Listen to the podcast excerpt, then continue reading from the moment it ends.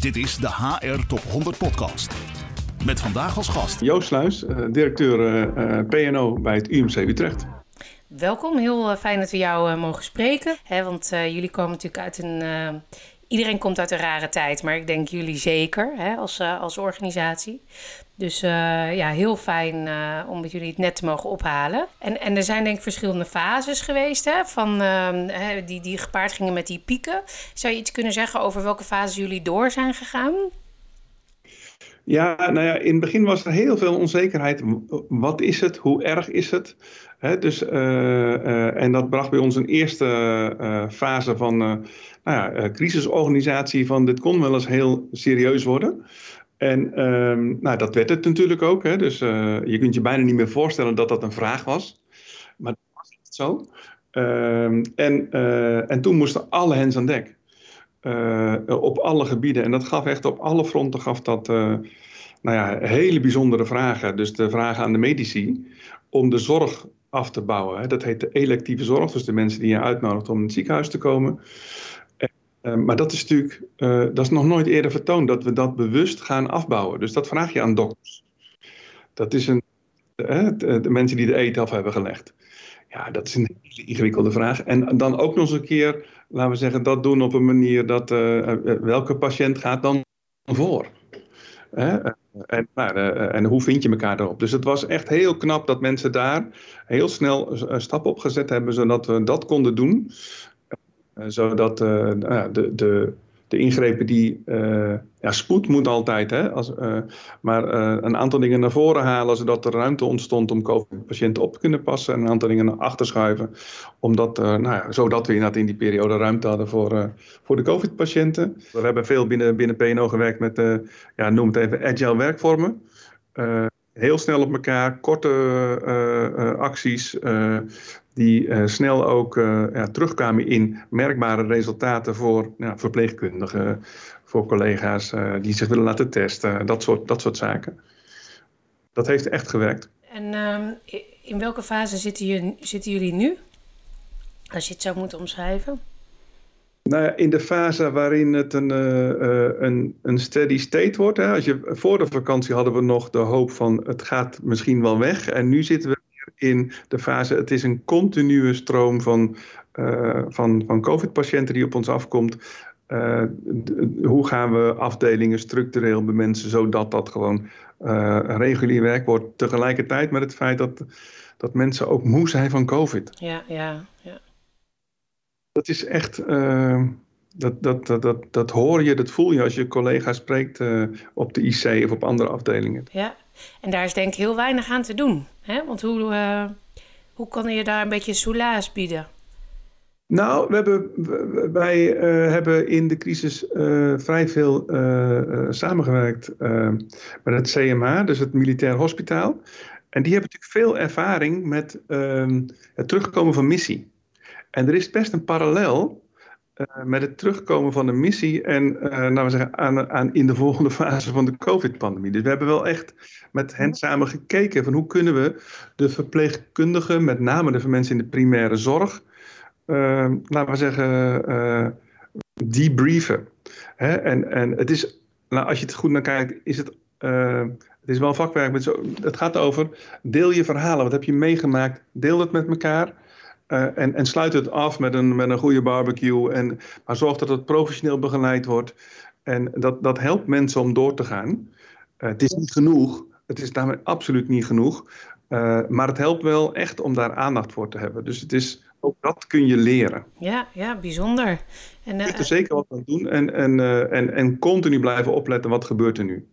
En als je kijkt naar de toekomst, dan houden jullie dus wel rekening eigenlijk met een continue stroom van uh, coronapatiënten. In ieder geval hè, naar de winter toe of daarna. Als ik jou goed begrijp. Ja, dat, Is, dat is een heel serieus scenario. En, en of het de COVID is of de varianten erop. Of, uh, maar dat iets van deze, ja, deze pandemie nog doorgaat in een soort stabiele stroom van patiënten. Dat is nu een heel reëel scenario. We hadden het voordat we de podcast uh, aanzetten ook even hè, over, meer over HR in algemene zin. Hè, omdat, uh, nou, we hebben het nu natuurlijk gehad over de afgelopen periode, maar het heeft sommige dingen misschien ook versneld of um, hè, extra onder de aandacht gebracht. En ik denk wel leuk om een paar dingen daarvan te benoemen. Zou jij kunnen aangeven welke thema's voor jou nu actueel zijn? Nou, ja, ik kan wel een paar noemen. Ik denk dat het, dat het heel belangrijk is om te kijken wat dit betekent voor hoe we onszelf organiseren. Hè. We gaan anders kijken naar werk. Meer digitaal, er kan veel meer vanaf huis. Uh, en ook wat dat betekent voor, wat betekent werk? Uh, de vorm van werk verandert. Je doet het veel meer digitaal. De plek van werk verandert. En dat betekent ook iets voor werk. welke dingen doe je dan het handigst thuis? welke dingen daar is echt nodig om elkaar te spreken? Hoe zorg je ook dat er voldoende nou ja, momenten zijn om creatief met elkaar te zijn? je mist ook wat in die schermpjes. En en de, de, meetings worden vaak geregeerd door nuttigheid. En nuttigheid, ja, dat is, dat is verslavend, maar ook uiteindelijk helpt het niet als we willen innoveren en meebewegen. Wat bedoel je daarmee? Dat je probeert efficiënt te zijn en, sne en, en snel to the point. En, ja, nou. Ik, ik, bedoel, het heeft ook wat dingen gebracht hoor. Ik denk dat in zo'n uh, die Teams meetings maakt dat we veel beter naar elkaar luisteren het doen van een rondje uh, is, is veel makkelijker gebeurd, denk ik ook vaker. Maar je raakt ook wat kwijt. Spontaniteit, even aan het begin, even na afloop napraten. Heb je hiervan gehoord of kan je me daarbij helpen? Of waardoor je verbindingen legt die je anders niet zou leggen. Ja, ja, ja. en dat is de bron van innovatie, de bron van verbetering, de bron van ook plezier, denk ik. Ja, ja. En, en, en dat, hè, voor het kantoorpersoneel is dat denk ik ook weer anders dan voor jullie specialisten hè? of mensen die patiënten zien. Of is daar, eh, zie je daar dezelfde verschuiving? Hè? Misschien met online consulten of uh, hè? zijn daar ook dingen veranderd? Absoluut. Nee, dat is, dat, is absoluut, dat is ook weer die context. Hè? Voor, we hebben uh, zorg, onderwijs, onderzoek en ondersteuning. Met elk zijn eigen uh, uh, impact van wat er nu allemaal gebeurd is. Dus als je kijkt, precies wat je zei bij het zorg um, zie je dat er nou, digitalisering ook van consulten. Dat heeft ook voor patiënten grote voordelen als je niet helemaal naar het UMC hoeft te komen. De reis kan soms al een heel gedoe zijn. Uh, maar de balans vinden wanneer wel en wanneer niet de patiënt zien. er in de organisatie doorheen prikken wanneer is het een, een blokkeren op de digitale onvermogen. Hè? Kan ik het wel handig genoeg? Of ja, de gewoonte dat je de patiënt wilt zien. En waar is het echt toegevoegde waarde? Nou, daar gaan we absoluut naar een nieuwe balans toe. Uh, en de, de blokkades omdat mensen niet goed met IT om weten te gaan, die moeten we weghalen. Maar er komt wel een nieuwe balans. Soms wil je patiënten gewoon zien om je werk goed te doen. Uh, om, om, om een goede analyse te kunnen maken. of omdat de patiënt het nodig heeft. En um, je noemde ook, voordat we de podcast aanzetten, diversiteit en inclusie als thema. Hè? Zou je daar iets over kunnen zeggen? Nou ja, ik denk, um, als je kijkt naar het ziekenhuis, even gewoon dat, daar zit ik natuurlijk nu bij het UMC. Wij zijn veel te dominant wit. We hebben een redelijk goede, en daar kan ook nog wel te verbeteren, uh, de uh, genderdiversiteit, mannen en vrouwen, zijn wij echt wel... Um, hebben wij best een paar dingen goed op orde. maar als je kijkt naar de de andere vorm van diversiteit is nog een boel te winnen. En ik denk dat daar, nou, daar worden we een aantrekkelijker werkgever van. Uh, dat is goed voor patiënten, dat die zichzelf ook herkennen. Hè? Uh, ik denk dat er heel veel impact uitgaat als er, uh, nou, bij wijze van spreken, iemand in een rolstoel bij de balie zit. Hè? Dat soort dingen van, voor patiënten of mensen die, die, die op een nieuwe manier met, met handicaps geconfronteerd worden structureel.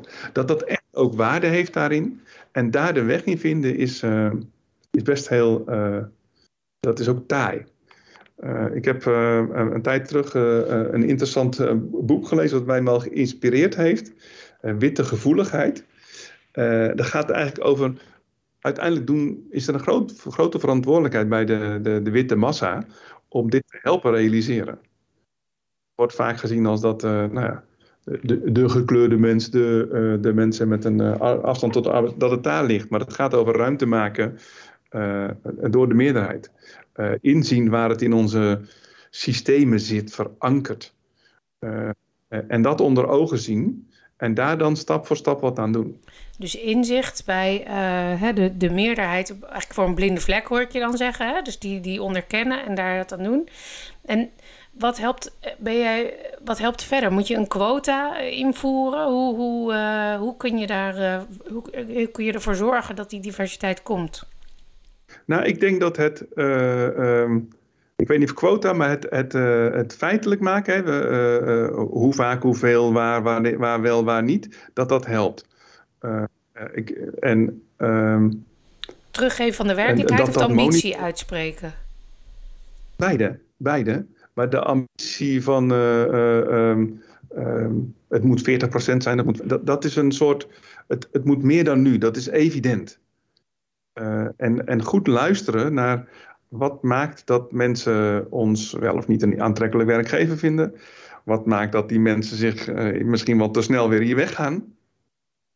Uh, en en dat, daar goed naar luisteren om te zorgen dat we dat voorkomen. Dat gaat ook over netwerken van mensen die in een minderheidsgroep zitten. Dat gaat over het leiderschap, om als mensen op een andere manier reageren, dat te waarderen.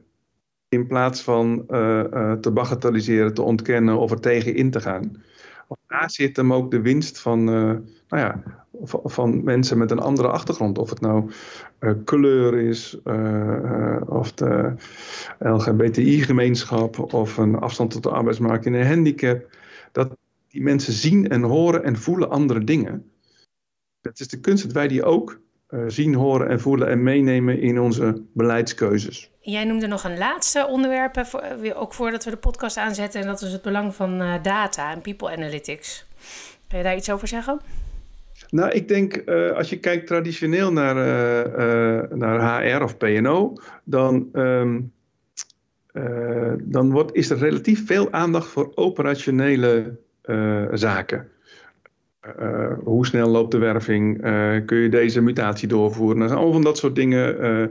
elke maand salaris is echt superbelangrijk. Je moet het een maand proberen niet te doen. Hè, dan is het heel snel een hoofdzaak geworden. Maar de echte impact zit op een ander niveau. Die zit op het, het lange termijn beleid, lange termijn dominant maken in beleidsbeslissingen. En daarbij helpt het enorm om goed te snappen wat er gebeurt. En dat kan je met data doen, people analytics. Dus wat is er aan de hand? Wat is de trend? Wat is de belangrijkste factor die, of de belangrijke factoren, dus de, de knop om aan te draaien, om bijvoorbeeld structureel ziekteverzuim aan te pakken? preventief ziekteverzuim vorm te geven. Daar kunnen we met data iets aan doen. En met data gaan wij, volgens mij, als, als dat lukt in onze adviezen, op de lange termijn een enorme impact maken. alleen dat is geen core competence van de reguliere HR-professional. ik ben er zelf een beetje een uitzondering op. Van huis, huis uit ben ik technisch wiskundige. Dus ik heb daar wel, eh, denk ik, bovengemiddeld wat, wat gevoel bij wat het zou kunnen zijn. Maar het gaat ook over het visualiseren. Het gaat ook over het verhaal kunnen vertellen. Het gaat ook over het operationaliseren van wat ga je dan doen als je die, dat inzicht dan hebt. Dat zit allemaal, komt dat weg achter People Analytics. Uh, en en uh, dat is denk ik ook echt een ontwikkeling waardoor als dat lukt, hè, dus de basis gedigitaliseerd komt steeds meer op orde. En daar maken we elke keer stappen in. En dat is hartstikke belangrijk. Moeten we absoluut doen. Robotiseren, digitaliseren, noem het op. Zijn we ook mee bezig. Dat geeft ruimte om het andere te doen. En daar zit de echte impact. En, en wat vind jij nou uh, de belangrijkste data om uh, te hebben om goede beslissingen te kunnen nemen? Nou, uh, volgens mij is er niet de belangrijkste data. Het kunst is, wat is de belangrijke vraag? En daar ga je de data bij zoeken.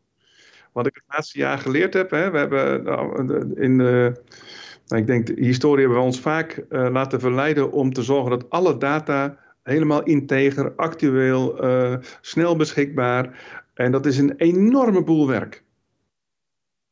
Uh, en je zou ook kunnen starten bij de vraag. Wat is nu de vraag die voor ligt? Gaat het over verzuim? Of uh, gaat het over werving? Of gaat het over uh, retentie? Er kunnen allemaal soorten vragen zijn. En ga daar dan de data bij zoeken. En die je niet hebt, uh, creëren, ophalen. Leuk, mooi. Ja, volgens mij hebben we heel veel kunnen bespreken. Al is er nog iets wat we gemist hebben, wat we nog moeten vertellen? Nee, wat ik, wat ik zelf nog wel heel belangrijk vind, ook als we kijken vanuit, vanuit HR of PNO naar organisaties, dat je goed in het oog hebt, wat zijn de patronen die hier spelen. er zijn vaak patronen, neem even op een bepaalde positie, blijft iemand altijd maar een jaar. Dat ligt niet aan de persoon, dat ligt aan een patroon. En ik denk dat het ook een, uh, een vak is om dat soort dingen te, te zien, dat zo inzichtelijk te maken en dan ook het juiste gesprek over te voeren dat je het aan kan pakken bij de bron. Daar ook veel toegevoegde waarde zit van, van PNO of van HR. Omdat als je in het systeem zit, zie je dat niet meer. Nee, nee. Ja, en hè, je zegt dus eigenlijk het systeem is vaak dominanter dan de mens hè, daarin. Dus als je het systeem verandert, ga je sneller. Dan als je elke keer... En, die, en veel minder moeite. Ja, ja, ja, mooi.